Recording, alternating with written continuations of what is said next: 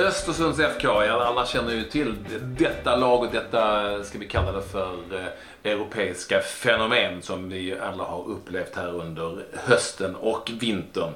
Nu så ger de sig in i en allsvensk säsong och vi ska på något vis försöka peka ut vartåt det lutar och vart, var de här hamnar, Graham Potters lag, eh, under eh, en säsong där ju vi väl alla känner att nu funkar det inte längre att vara ett litet roligt lag som sticker upp och kanske kan spela lite skön fotboll och plocka poäng här och där. Utan nu kommer det sättas press på Östersund. Det, så är det väl? Eller där kanske jag...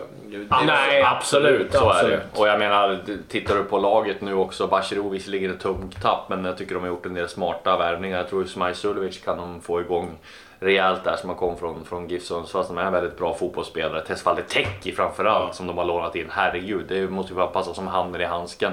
Och komma till Östersund, det såg vi inte minst när han kom in mot Arsenal hyllades av Arsène Wenger. Så jag tror att Östersund kan inte spela det här underdog-kortet. Fler kommer tycka att de är mer lättlästa, men det finns så mycket kvalitet där så att de kommer ju vara med i toppen och slåss eh, Eh, i länge, tror jag. Eh, de har byggt en så stabil grund. Men sen är ju frågetecknet i sommar.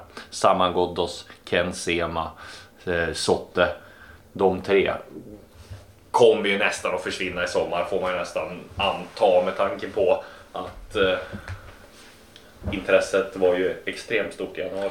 Femma i fjol. Eh, och nu kommer liksom, eh, jag ska inte säga att det var ju absolut inte någon som underskattade Östersund förra året. Men eh, det kommer ju åka dit med en betydligt... Eh, de kommer få tuffare matcher. Det kommer vara mer som vill åka dit. Nu ska vi visa Östersund att liksom, ja, det går inte här och bara vara roliga.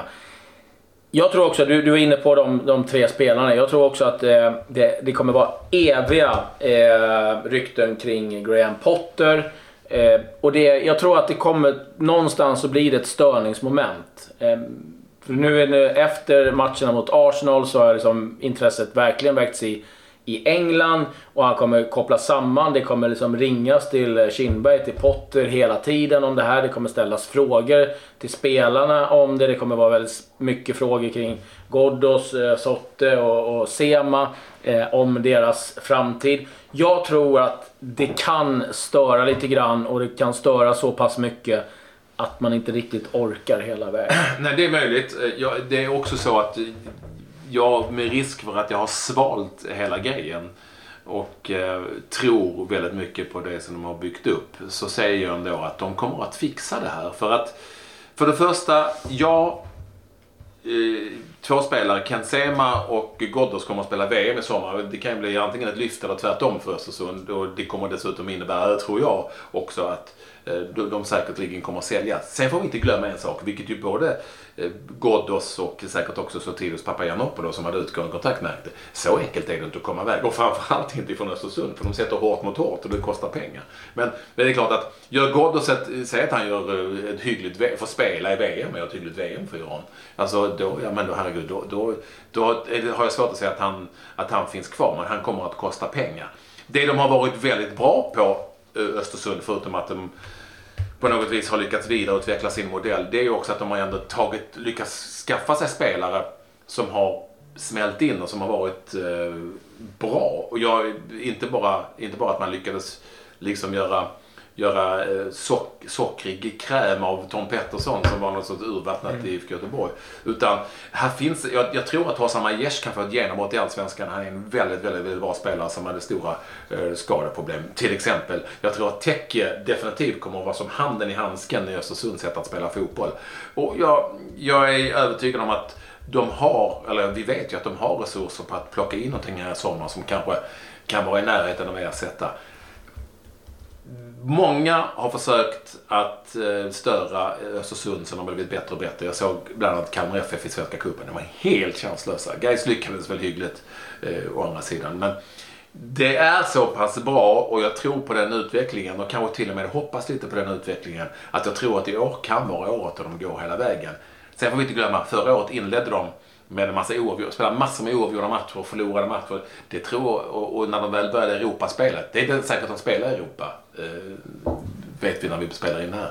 Alltså, eh, så att de kanske slipper det om vi säger så under sommaren. Men då hade de problem och den, den typen av sämre matcher med sämre resultat kommer inte på något vis att accepteras. De kommer inte ha råd med det den här gången om de ska gå hela vägen. Jag utgår från att deras målsättning är att gå hela vägen och vinna Allsvenskan.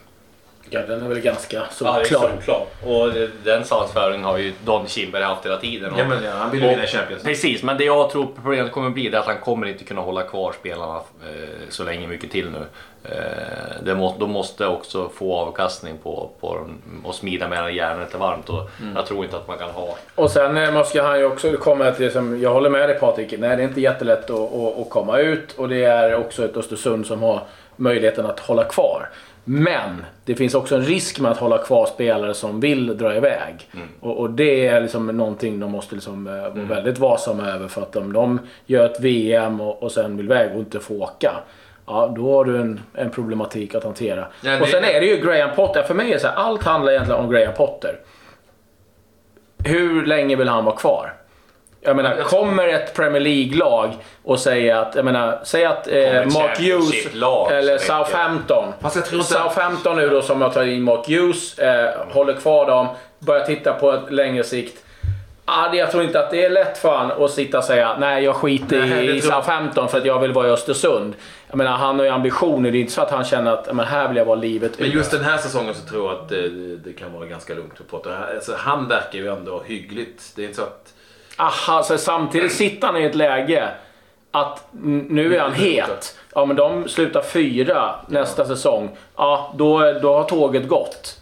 Dock har de någonting. Det är, det är, Absolut, det, men jag det, säger så mycket hänger på Graham Potter. Ja, det är klart att jag gör det till. Men de har, det finns någonting i det här spelet, det finns någonting i den fotbollen som har spelat som, som ju nu, redan nu lag börjar liksom ta efter. Och sen finns det vi känner redan till att andra lag pratar om, Malmö FF pratade om det förra året, att komma till Östersund och jäklar vi beundrar hur de spelar. Och det, och det är bra och de har visat i Europa att, att de har skaffat sig ett självförtroende och att det är tillräckligt bra. Eh, och de ska också vinna matcher. De ska också vinna matcher. Jag, jag, tror också som sagt att det finns spelare bakom här som vi inte riktigt har sett som jag tror är, är väldigt bra, eller jag vet är, är väldigt bra. Jag, jag glömde faktiskt att nämna eh, den unge spelaren Frank Arin som också är extremt mm. bra spelare. Att det här finns det ändå eh, mer, än det vi, mer än det vi har sett. Ja, jag, jag gillar Östersund, men jag, tycker, jag har inte riktigt svalt betet lika mycket. Eh, jag, liksom, jag tycker det finns fortfarande saker kvar att bevisa och det är mycket som eh, ska hända under säsong. Och du ska, de, ska, liksom, de ska vara bättre för mig än Malmö FF och AIK. Och det tycker jag just nu att de kanske översätter en hel säsong eh, med det som kan hända och, och, och kommer ske inte. Jag sätter Östersund på en tredje plats. Jag sätter Östersund femma. Det är det där Sundsvallshatet. Vi i Norrland håller ihop, det vet du. Jag eh, har valt att eh, gå hela vägen. Jag har svalt hela betet. Eh, jag erkänner det.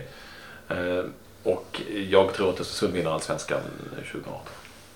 Så jag håller som etta helt enkelt. Vad är det som gör att du tycker att de för att de är bättre än Malmö och De har utvecklats sedan, men det, det kommer såklart att vara tillfälligheter i slutändan. Och vad som händer i sommar har vi inte en aning om. Nej, nej, så är det. det så, jag, tror, jag tror att det, den här gången jag tyckte det visade sig i vinterfönstret här att det är mycket svårare nu att komma ut. Så jag är inte säker på att lagen kommer att tappa så mycket spelare för att om inte de sitter utan kontrakt. För det är, det är inte lätt att ta sig ut i, eh, i nya lag. Så det kommer att vara tillfälligheter. Men jag tycker att de har utvecklats hela tiden. Jag tycker att de spelar eh, en så pass eh, vägvinnande fotboll att de kommer att lyckas hela vägen. Och jag kände också att det jag såg, jag såg lite i, i, på försäsongen här så, känns det inte som att de har tappat det. Och sen har de ju om nu, han är åtminstone kvar under våren så är både Saman Ghoddos och Ken Sema det är ju två spelare som är Allsvenskans absolut bästa spelare. Två av Allsvenskans absolut bästa spelare. Absolut. Ska vi stänga butiken där med Östersund? Etta, trea och så då Norrlandshatet femma.